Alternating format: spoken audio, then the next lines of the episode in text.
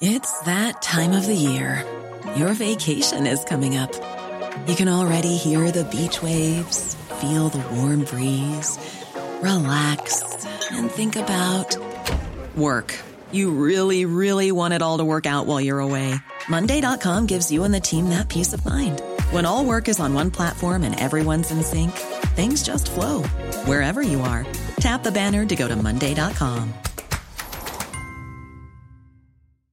Ready to pop the question? The jewelers at BlueNile.com have got sparkle down to a science with beautiful lab grown diamonds worthy of your most brilliant moments. Their lab grown diamonds are independently graded and guaranteed identical to natural diamonds, and they're ready to ship to your door. Go to BlueNile.com and use promo code LISTEN to get $50 off your purchase of $500 or more. That's code LISTEN at BlueNile.com for $50 off. BlueNile.com code LISTEN. There's never been a faster or easier way to start your weight loss journey than with PlushCare. PlushCare accepts most insurance plans and gives you online access to board-certified physicians who can prescribe FDA-approved weight loss medications like Wigovi and Zepbound for those who qualify. Take charge of your health and speak with a board-certified physician about a weight loss plan that's right for you. Get started today at plushcare.com slash weight loss. That's plushcare.com slash weight loss. plushcare.com slash weight loss. Palmemordet. Grand Roger Östlund. Eh, Jag heter Dan och idag har jag en gäst i podden. Det är Thomas. Hej Thomas! Hej Dan! Thomas och jag gör en annan podcast tillsammans. Den heter Game of Thrones Chat. C-H-A-T. Finns på iTunes. Den borde ni lyssna på. Eller hur? Thomas, sälj in den nu. Ja, det finns även på kanalen Hard Nerd Café på Youtube. Stämmer bra Och det. den är jättebra. Det är ju väldigt, en ganska så insatt podd får jag säga. Är, jag har lyssnat på en del andra poddar som inte alls är lika bra. För de har inte lika bra koll som vi har på vad som händer och sådär. Vi dyker i princip på djupet lika mycket som den här podden gör. Men på Game of Thrones. Om ni verkligen vill ha alla detaljer från Game of Thrones. Då ska ni lyssna på Game of Thrones Chat. Ja, i Game of Thrones chat så diskuterar vi både vad som har hänt och hur vi tycker om det som, vad som har hänt. Och vi spekulerar även i vad vi tror kommer hända i framtiden. Men vi ger inga spoilers. Så man behöver bara ha sett tv-serien och inte ha läst böckerna. Precis, för Dan har inte läst böckerna. Men Thomas har läst böckerna väldigt mycket. Ja, men jag är duktig på att hålla mig, säger Dan. Duktig på att hålla Ja, mig. det, det stämmer faktiskt. Ja, Eh, Och idag ska du gestalta Roger Östlund. ja, just det. Ett av de viktigare vittnena i rättegången mot Christer Pettersson och ett av grannvittnena som tydligt kommer att peka ut Christer. Eh, Men först tänkte jag att vi skulle prata lite om din upplevelse av Palmemordet. Kommer du ihåg vad som, hur du fick reda på att Palme var död? Ja, vi var i fjällen och eh, så var det nyheter på TV på morgonen. Och då det var speciell extrainsatt program där. Istället för det som var i vanliga fall. Och då, då fick vi reda på att, eh, att Palme var skjuten. Och sen så åkte vi hem på bussen ifrån fjällen tillbaka till Stockholm hela dagen och lyssnade på radio om det här. Och det vevades om och om igen. Ja, Och det var ju, kändes ju konstigt. ja det, det var konstigt för oss alla. Ja, Eh, Följde du utredningen någonting sen eller? Alltså, jag, titt, jag tittar ju på nyheterna förstås och man hörde talas om Holmer och PKK-spår och fantom, fantombild och allt det här. Eh, så att, ja, i viss mån följde det, men inte lika noga som du förstås, eller många av de som lyssnar på det här. Jag är Ja. absolut ingen expert på något sätt. Jag följde det inte heller särskilt noggrant på den tiden. Men vi var unga. Ja, vi är unga. Vi är förlåtna. ja, då ska vi eh, ta upp då förhöret i tingsrätten med Roger Östlund. Jag kommer att göra alla andra roller då. Främst åklagare Helin och advokat Liljeros. Jag kommer att använda samma röst för båda. Så ni, jag kommer att försöka förklara vem som är vem. Och det här kan bli väldigt, väldigt långt jämfört med andra förhör. Men Roger har mycket att berätta om sin kväll. Mm, nu ska jag försöka gå in i karaktär här, och försöka kanalisera Roger. Ja, medan du gör det så kan jag berätta då att Roger kommer att komma tillbaka i Christer Pettersson-avsnitten. Vi har redan pratat om Roger när vi pratade om Råta arméfraktion, för där var han ju också ett vittne. Och eh, Roger kommer att berätta alla möjliga intressanta historier då. Men det här är då historien han berättade i tingsrätten om sin kväll på biografen Grand. Då kör vi igång och då kör vi igång med åklagare Helin som säger Ja, Roger. Den 28 februari 1986 så hände det en hel del. Ja, Kommer du ihåg vad du gjorde den kvällen? Ja, en del av vad jag gjorde kommer jag ihåg. Var det på kvällen enbart då? Ja, ska du berätta? Ja, jag kan ju berätta därför jag berättade polisförhören då ungefär. Jag kom upp, jag hade... Jag var i närheten av Klubb Oxen, det var före 11. Jag kan inte säga någon exaktare tid och jag skar med fingret på en kniv. Och det var mitt syfte då att gå in där på klubben för att få ett plåster. Och jag kom in där på klubben men något plåster vart det inte utan jag fick serva mig själv då på toaletten med pappershanddukar. Och sedan avlägsnade jag mig därifrån ganska omgående för det blödde ganska mycket. Och sedan går jag då därifrån över till över bron vid Kungsgatan och över till gatan och sedan ner Apelbergsgatan och sen Luntmakargatan i backen ner mot Tegnérgatan.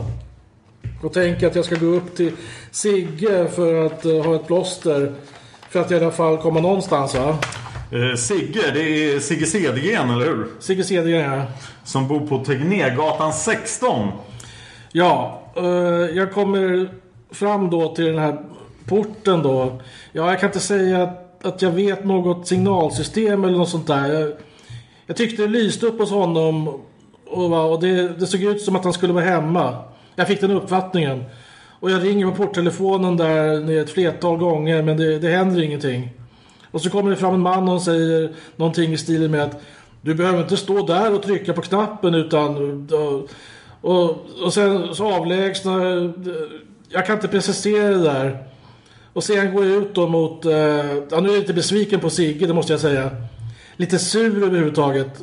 Så jag går ut mot Sveavägen. Och vad jag gör direkt så här, jag går eh, då... Eh, jag har tagit ner gatan runt omkring på alla hörn. Och så kommer det då något punkrockgäng som irriterar mig. Så börjar de att sparka på en papperskorg där. Ja, då skulle jag... Jag jagar iväg dem i alla fall så mycket. Och sedan är jag nästan borta vid korvkiosken någonstans.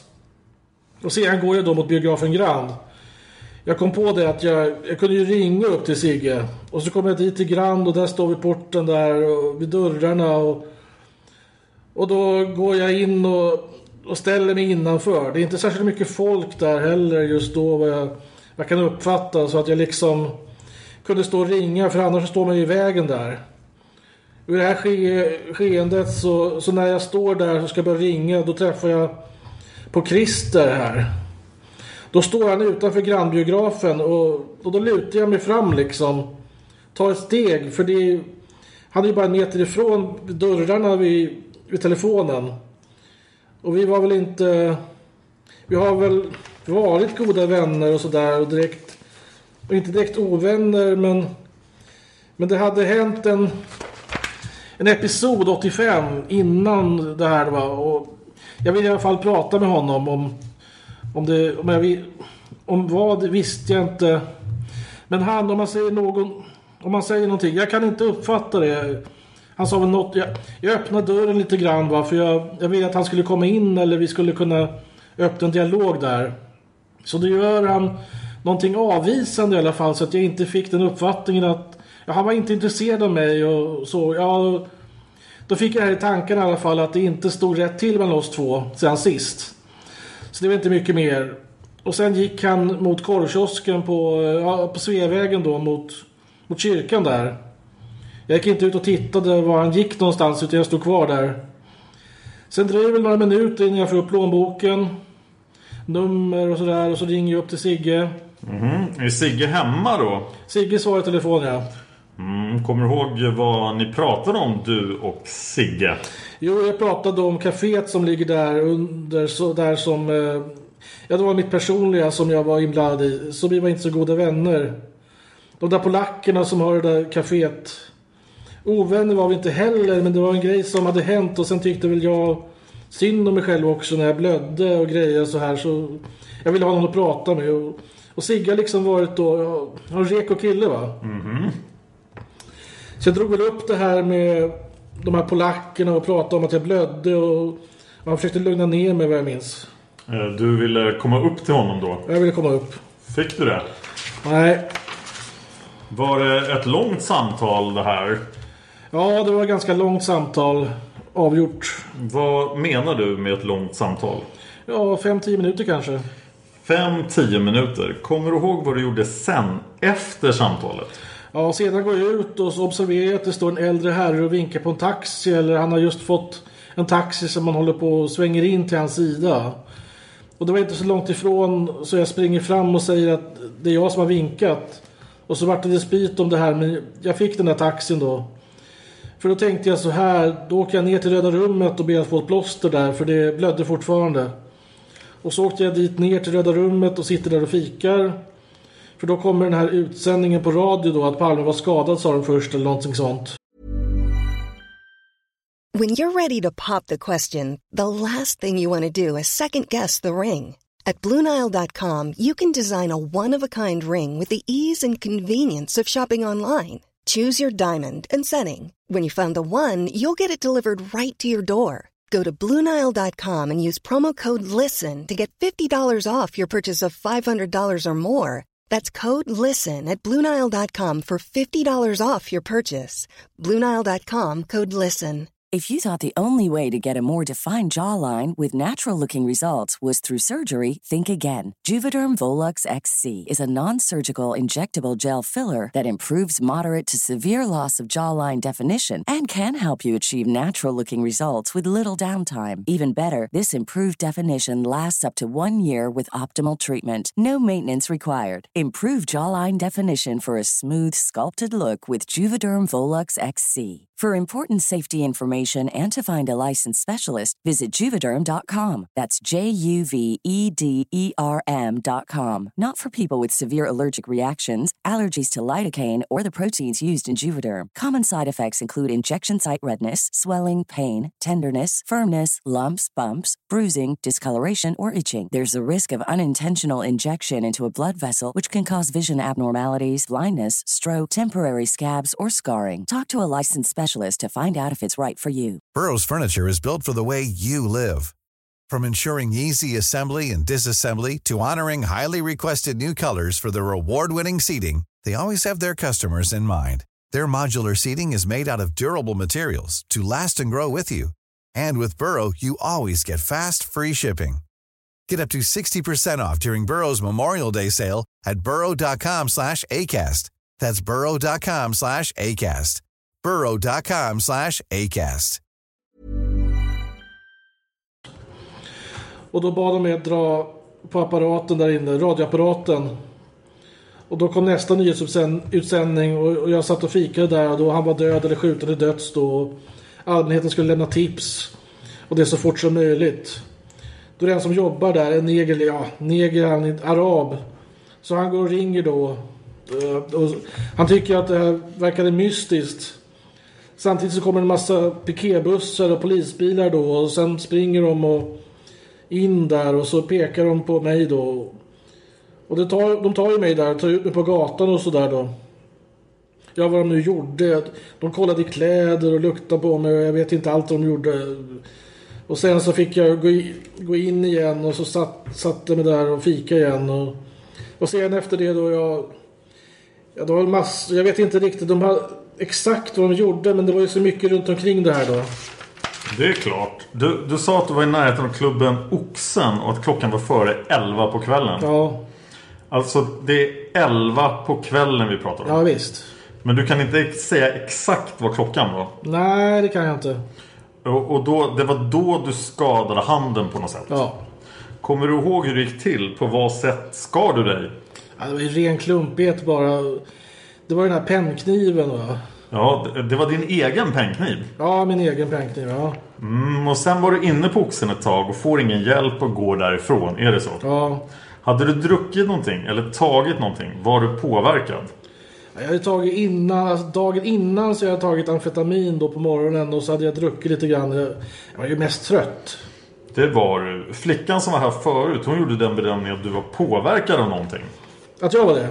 Ja, Ja, det var ju en riktig bedömning i så fall. det var riktigt ja. Mm. Sen berättade du hur du gick upp, hamnade vid Sigges port och ringde på där.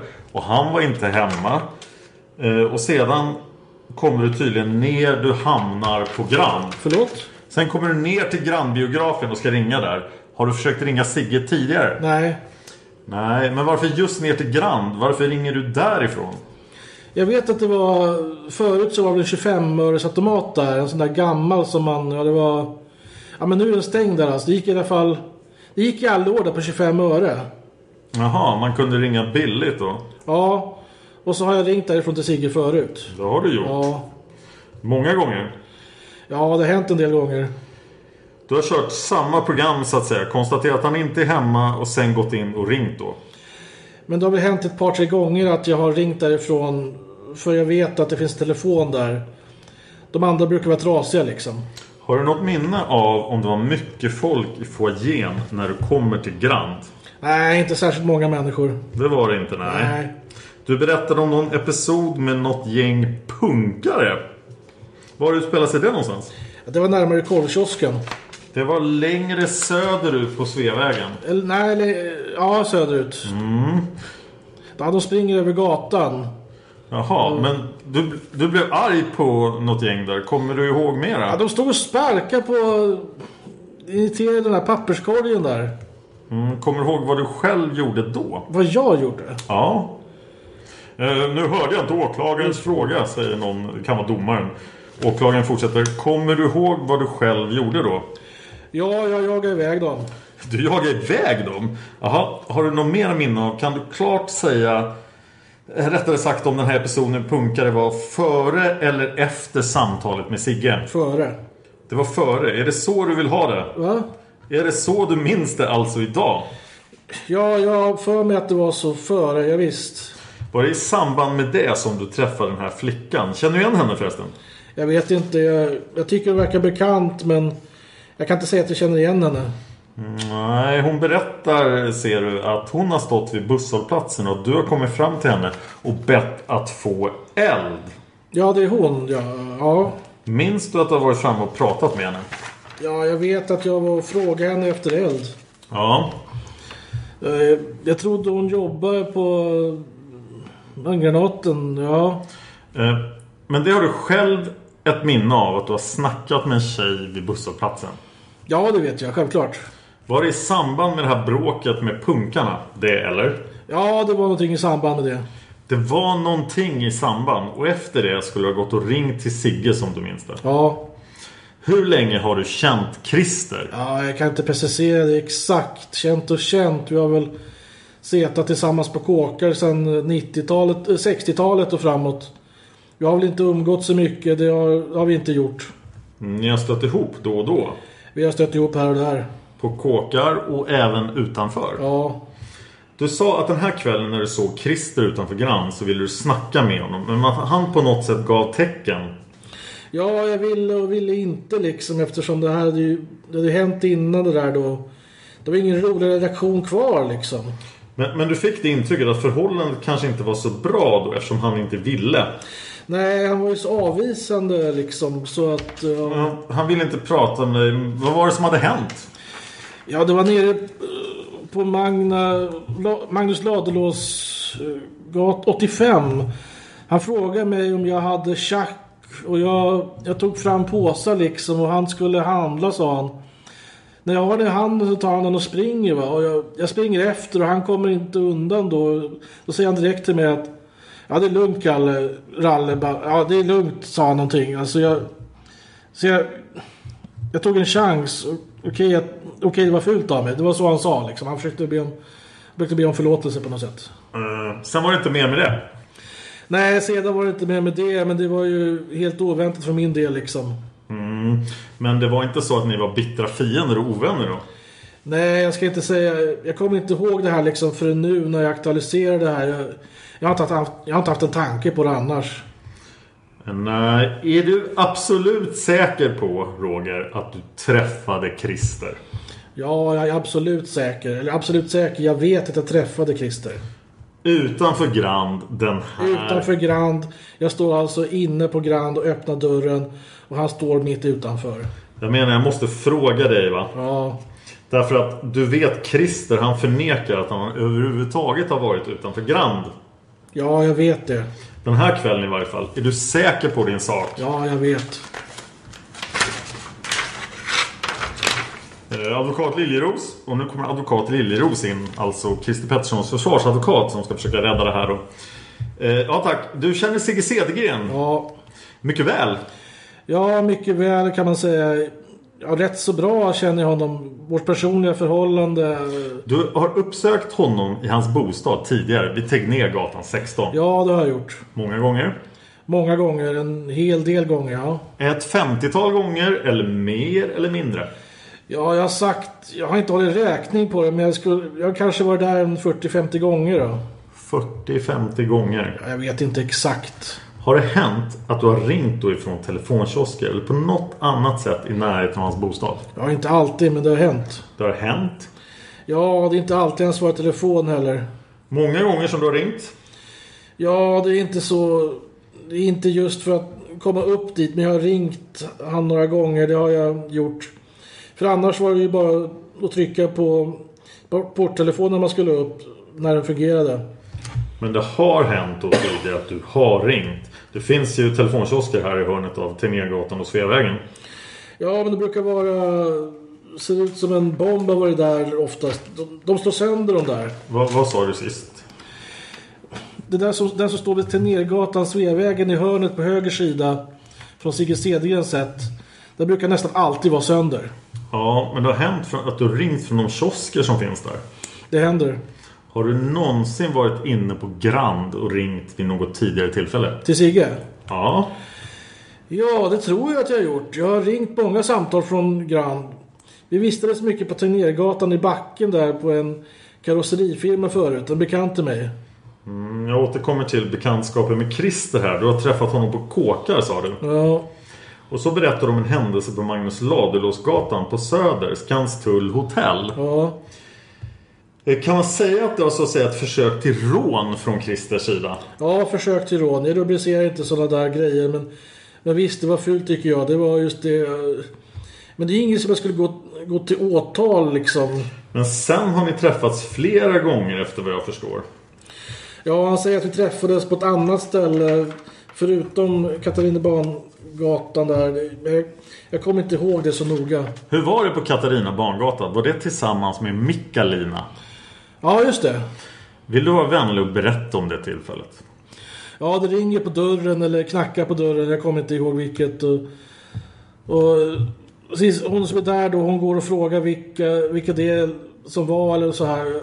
Jag kommer inte ihåg då riktigt exakt vad, vad som sägs. Men det var någonting om att man skulle sparka in dörren eller något sånt va. Och jag säger öppna dörren liksom va. Och jag vet inte vad det handlar om då för... För jag vet inte riktigt inte att Christer är med va. Och Harry Mikalina han borde inte ha kommit upp där överhuvudtaget. För han visste vem det var som hade tagit de där grejerna i hans lägenhet. Och det hade jag också talat om för de här två personerna som var med mig där att det här kommer ni att få stå för liksom. Så det var misstankar mot dig tydligen om att du skulle ha stulit av honom? Ja, jag tyckte nog så här att vi kände varandra ganska väl och att, att hemmet ska vara intakt efter att efter, men jag kan inte springa och hålla reda på det här. Eller ja, den här killen som var med då. Och jag vill inte ta mitt ansvar för vad han gjorde utan då talar jag om för Harry att han hade tagit en kamera och en skinnjacka och en gitarr. Och så hörde jag någonting om något litet spel men det visste jag inte om. De hade han stoppat i fickan i så fall. Christer Pettersson var med vid det här tillfället. Jag var med då. I dörren stod han, alltså på Katarina Bangata där. Uppfattade du det hela som ett hot riktat mot dig? Ja, hot mot mig. Jag tyckte... Ja, nu redde det ju upp sig ganska fort. Han... eh, Det vet jag ju hur, hur han kan bli. Jag kan, jag kan bli likadan jag med och kände mig lite förtal. eh, Ja, med... För att han inte tordes göra någon åtgärd mot det berörda. Han, han är tydligen mer eller mindre rädd för honom då. Vem, vem talar om nu? Ja, den som kallades för Piotjek. Eller Podjek eller vad han heter. Det var, det var han som hade tagit kameran där då. Ur hans bostad. Kände du dig hotad av Christer Pettersson vid det här tillfället? Ja, som han stod där så kände jag ju ett hot. Jag skulle inte ha hoppat på honom i det läget för han stod med handen under jackan. Det kunde vara allting ifrån jag... Jag tänkte på att han har pistol men jag, jag ser ju aldrig någon pistol. Det kan ju vara någonting annat också som han har under. Jag hörde inte vad du sa sista meningen.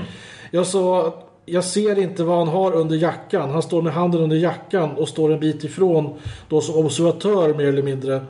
Då medan jag och Harry pratar då. Och ta det lugnt säger Harry till honom och han tar det liksom lugnt. Men jag uppfattade det klart som ett hot, det gjorde jag.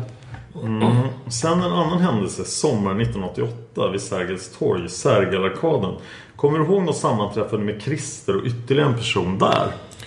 Jag kommer inte ihåg det så noga men det stämmer väl ganska bra det för jag sprang omkring med en frimärkssamling jag hade som hade fått tillbaka en rättegång.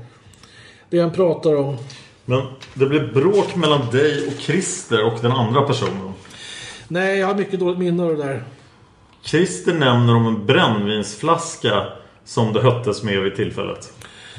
Ja, men jag har hört det där i andra hand så jag lyssnar inte så på det i radion. Men jag, jag fick höra att det hade gått ut på radion det där. Ja, ja, vi bryr oss inte om det nu utan... Så jag vet inte exakt vad han hade sagt på radion. Nej, nej, men jag undrar om dina minnesbilder här. Var det ett bråk vid det tillfället? Nej, jag har ingen minnesbild av något bråk. Minns du ingenting om någon brännvinsflaska? Nej, att det kunde vara någonting på uppblossande eller något sådant. Där kanske, där kanske, men det är ju vad jag har fått inmatat mig nu. Vad jag har hört folk prata och fråga mig om. Jag har inget minne av att det var något bråk där. Men det kan vara så som Christer säger. Vad det nu var att han sagt. Ja, att det var någon form av bråk. Ja, dina minnesbilder här beträffande den här mordkvällen, det vill jag fråga om. Du var ju påverkad. Kan man säga att du var påverkad ordentligt? Eller var du mera trött? Eller hur var det? Jag hade tagit amfetamin på morgonen och så hade jag druckit vin under eftermiddagen. Och sen hände det här då som droppen på liksom. Och jag började bli lite trött. Jag hade ingen bostad för tillfället heller så jag, jag tog... Eh, Är du sur vid tillfället? sur. Ja, var du det? Sur? Sur. Nej, jag är inte sur. Jag... Eller jag hade varit hos Sigge Cedergren var jag lite besviken på att han inte öppnade. Det var att jag fick för mig att han var hemma men det kan ju vara så att porttelefonen var trasig. Det hände ju. Du har sagt det tidigare vid polisförhör långt tillbaka i tiden att du hade väldigt dåliga minnesbilder av den här kvällen. Ja, jag har sagt det så att jag har... Det är suddigt och så här. Från, från 86 de har hört mig. Jag vet inte hur många gånger det är. Ja, det är många gånger. Ja, Det finns, jag måste hänföra till sidan 201 här i 3 kolon 1.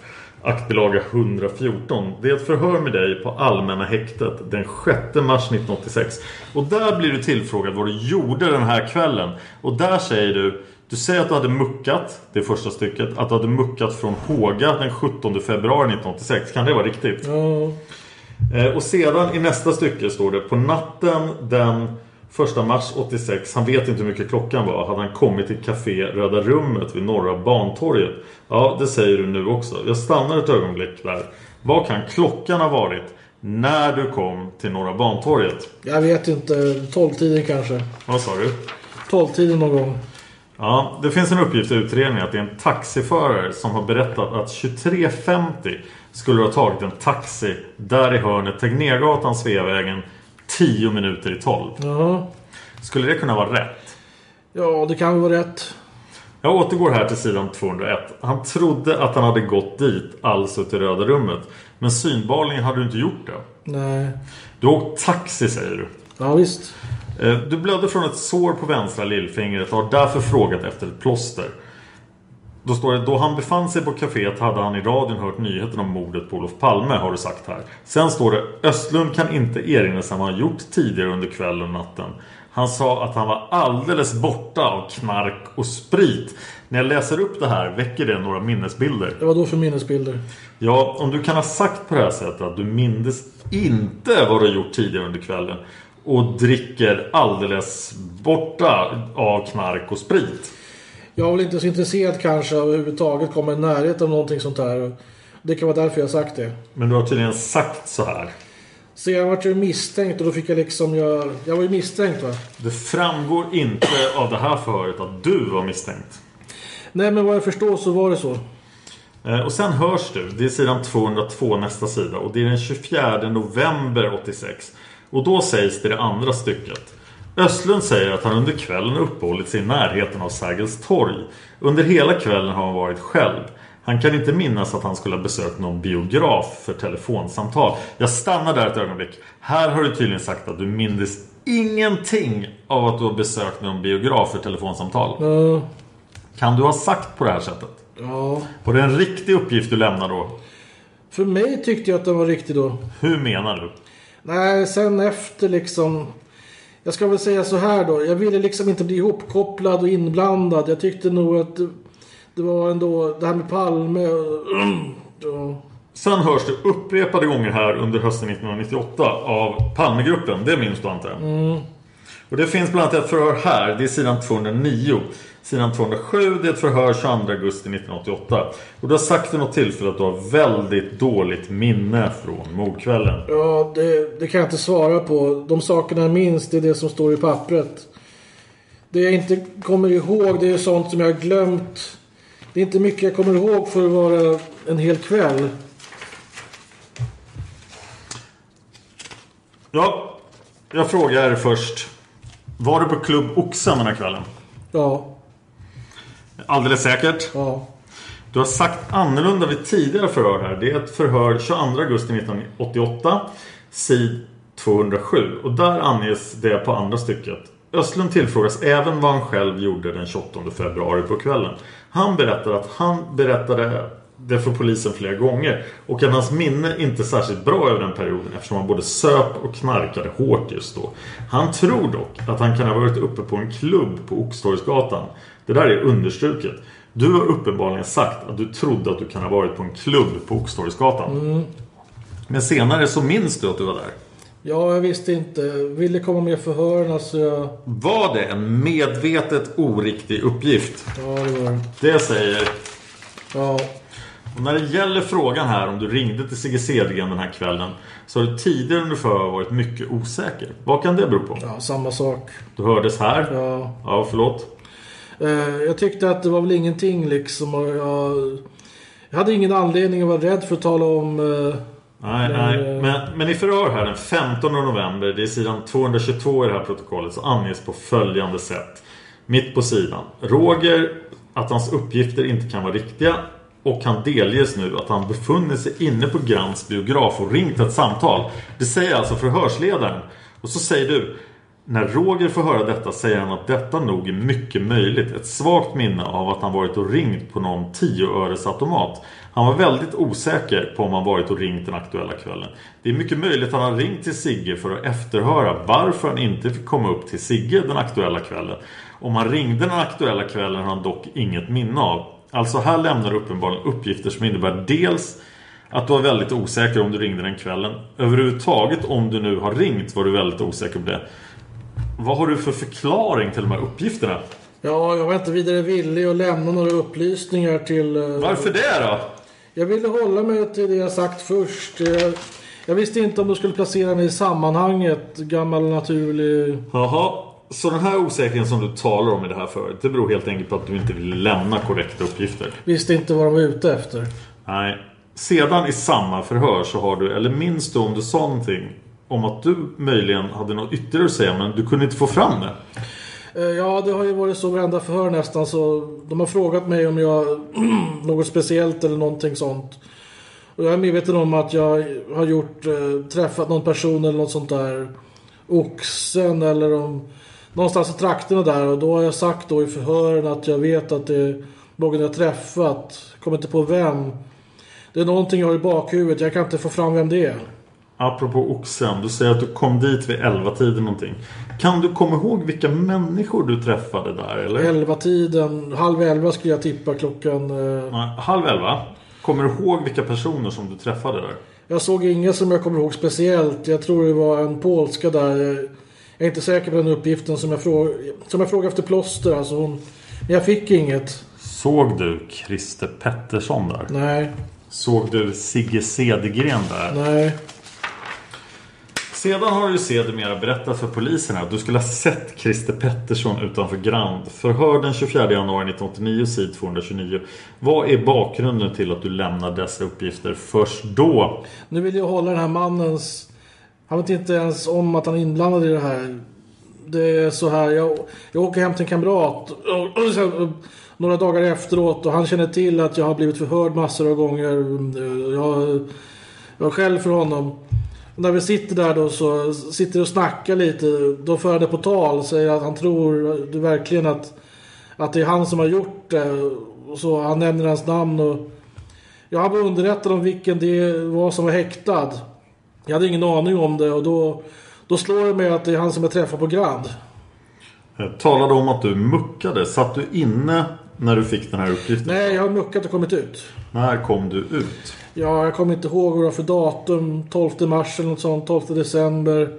Jag kommer inte ihåg vilket datum det var. Satt du inte inne när du fick den här uppgiften av den här personen som du inte vill namnge? Nej. Mm. Däremot så satt jag på häktet då meddelade det här till polisen. Ringde från eh, häktet.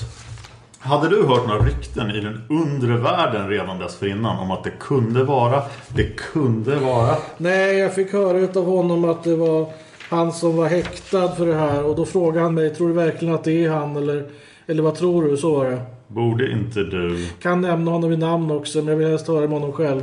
Men borde du inte tidigare sagt det här till polisen? Du borde väl rimligen ha kommit ihåg det här. Det här var en aktuell historia. Det var ju kvällen när Palme mördades. Ja, Borde du inte ha kommit ihåg detta med Christer Pettersson? Att du skulle ha sett honom utanför biografen långt tidigare. Nej, men tydligen inte. Jag, jag träffar flera personer också, andra människor den kvällen som jag inte heller kommer ihåg. Som jag kan sitta och säga. Det, det är ju grejen att jag träffat en bekant till mig och jag vet inte vilken, jag får inte fram bilden av. Det är bara... Det blir inte aktuellt förrän två och ett halvt år senare. Få reda på vem det är som sitter häktad. Det var ju, det var ju så kort stund liksom ändå som vi träffades där. Har du träffat Christer Pettersson vid något annat tillfälle här på Tegnérgatan, Sveavägen eller i närheten av de här trakterna? Någon gång. Ja, tidigare. Ja, det är ju möjligt. Jag, det kan ha varit någon gång, jag vet inte. Kan dra mig till minnes. Det kan vara på det sättet. Det vet jag inte. Eh, om du vill ha mig säga att jag träffade honom, då ljuger jag. Men den här aktuella grejen vid Grand, enda jag kommer ihåg klart minne. Jag frågar dig en gång till här. Hade det inte varit någon, har du inte så att säga hört ryktesvis någonting om redan innan du talade med den här personen i januari i år om att Christer Pettersson kunde misstänkas för det här? Februari var det. Det är i januari som du lämnar den här uppgiften till polisen. Nej, jag får inte höra det då hemma hos honom. Hade du sett Det är, be, det är bekant till Christer också. Hade du sett bilder i tidningarna utav den här 41-åringen? Nej, jag har inte sett några bilder alls i någon tidning. Bilder där man bara konturen utav Christer Petterssons ansikte. Det var en svart lapp framför. Nej, jag har sett den där bilden. Jag, jag vet ju att det är han och har inte funderat på det. Det är nu efteråt jag har sett. Det var på tidigt stadium som det fanns sådana bilder i tidningarna och i TV. Inte som jag sprang och tittade på. Det är ju först nu som jag har... Hur var det? Du dömdes ju här i, vad var det, i maj i Stockholms tingsrätt.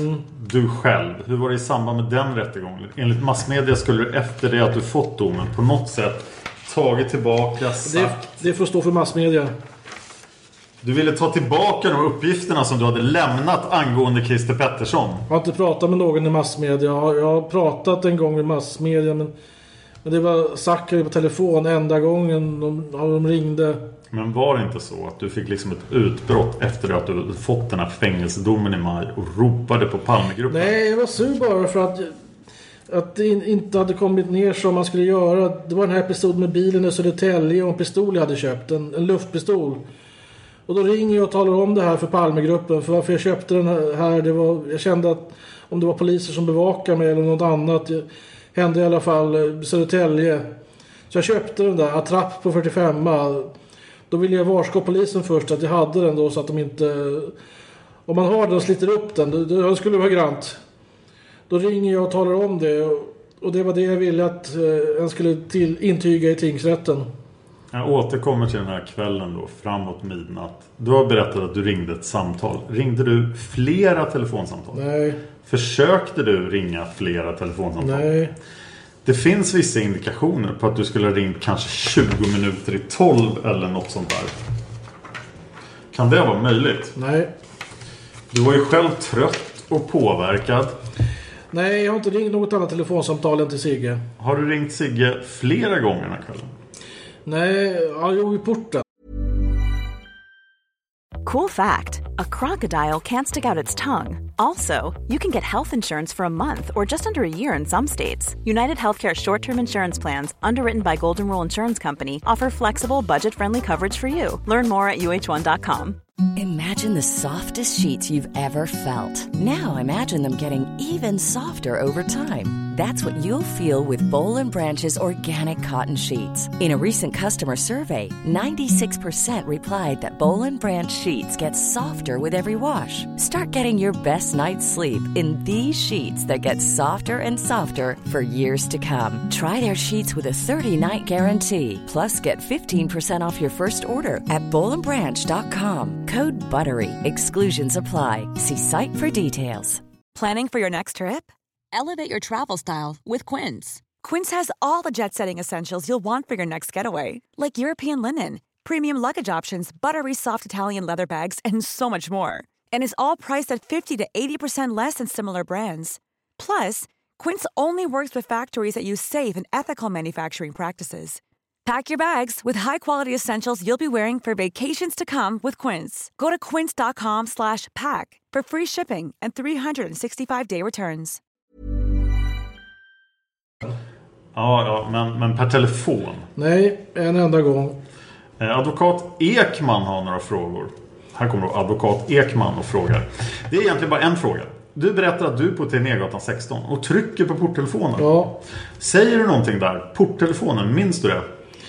det är andra änden som brukar säga någonting. Fråga om det som är där. Det händer ingenting. Och du får inget svar? Ingen? Nej, prata med porttelefonen som person. Nej, men man har bråttom. Man trycker på porttelefonen och man bara pratar rakt in i. Nej, jag måste ju lyfta på så, så han har. Du, du säger att du möter någon person där vid porten. Ja, det kommer fram, fram till mig och säger att... Eh, för jag stod ett tag i porten och skulle in. Säger du någonting till den Nej, här jag personen? säger ingenting. Han säger någonting till mig att uh, gå härifrån. Jag vet inte om, om han skulle in i porten eller vart han tog vägen. Men du hinner inte prata. Nej, Du pratar inte med honom. Nej han kommer bakifrån och klappar mig på axeln.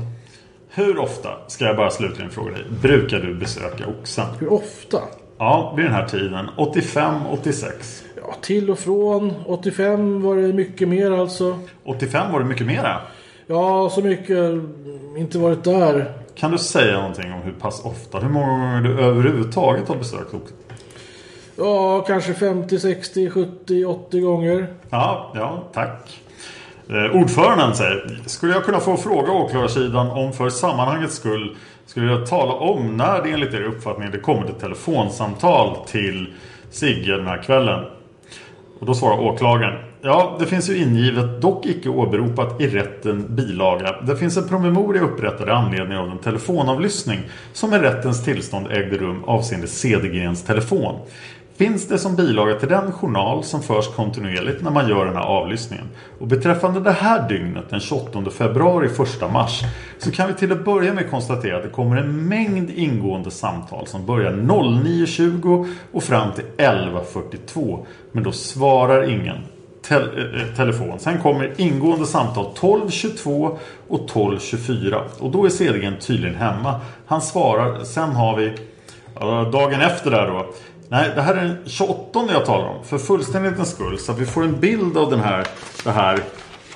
Det har svarats och inte svarats så att säga på telefonen. Sen har vi ett samtal 12.36.37 där CDG'n inte är inne. Sen kommer ytterligare ett samtal 12.44. Och då är inte CDG'n... Eh, jag avbryter där. Ska man uppfatta det så att någon annan svarar? Ja, jag får den uppfattningen. I CDG'ns lägenhet. Därför det kommer till stånd ett samtal. Det är noterat att Sigge inte är hemma. Det är inte han som svarar. Sen har vi en mängd påringningar utan att det blir något svar under tiden 13.03 fram till 22.51. Sen har vi ett samtal 23.02 och då är Cedergren hemma och svarar. Det samtalet avslutas 23.04. Klockan 23.06 ringer en okänd kvinna och Cedergren svarar. Det samtalet avslutas 23.07. Klockan 21.15 ringer Roger och talar med Sigge. Av innehållet i det samtalet så framgår följande. Roger säger att han blöder som en gris. Roger pratar något om en kniv. Han är så påverkad och det är svårt att höra vad han säger. Roger vill ha några ord med Sigge. Det går inte enligt Sigge. Polisen har ju hämtat honom utanför. Sigge hade hört att på kaféet Roger säger att han ska gå in till polackerna. Skit i det säger Sigge som tycker att Roger väcker uppmärksamhet. Roger tänker gå till polisen. Han är blåst. Blanda inte in mig säger Sigge. Jobba framåt och gör något positivt.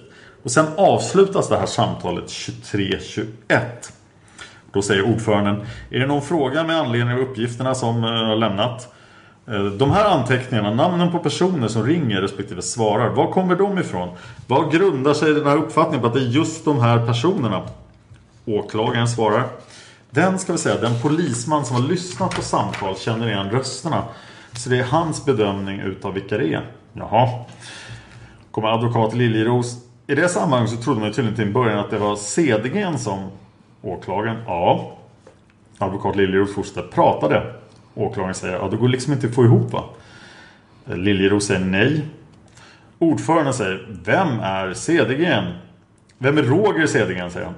Åklagaren säger bror till eh, Det är Sigges bror då som har dött Ordföranden fortsätter Vi återgår till vittnesförhöret Har åklagaren några frågor? Nej tack Har försvararen några frågor?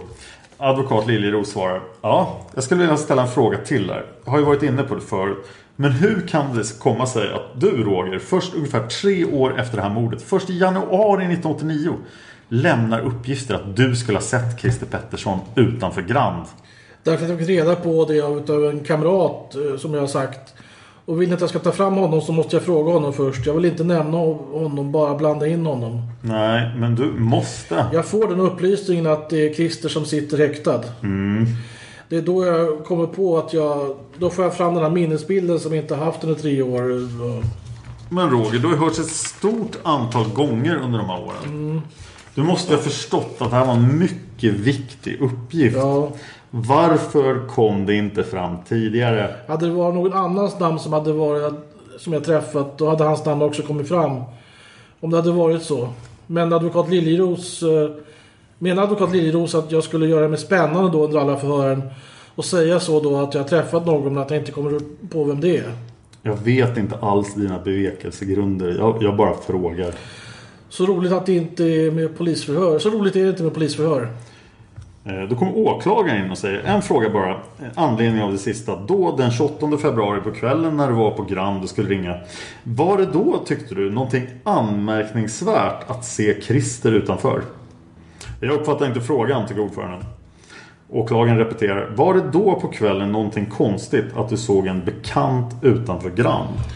Jag har inte träffat några andra där så det är väl... Jag, jag tänkte väl på det men... Men, men mer än så har det inte varit. Och mer än så? Nej. Tack. Förhöret är då avslutat. Det var Roger Östlund i tingsrätten.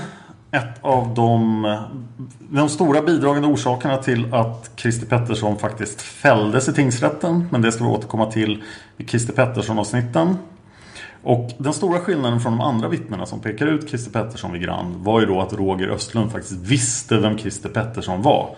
Och när ett ögonvittne kan namnge en person som de känner då är det förstås mycket, mycket viktigare än till exempel Birgitta W då som såg en konstig man stirra och sen pekade ut Christer Pettersson ett antal år senare.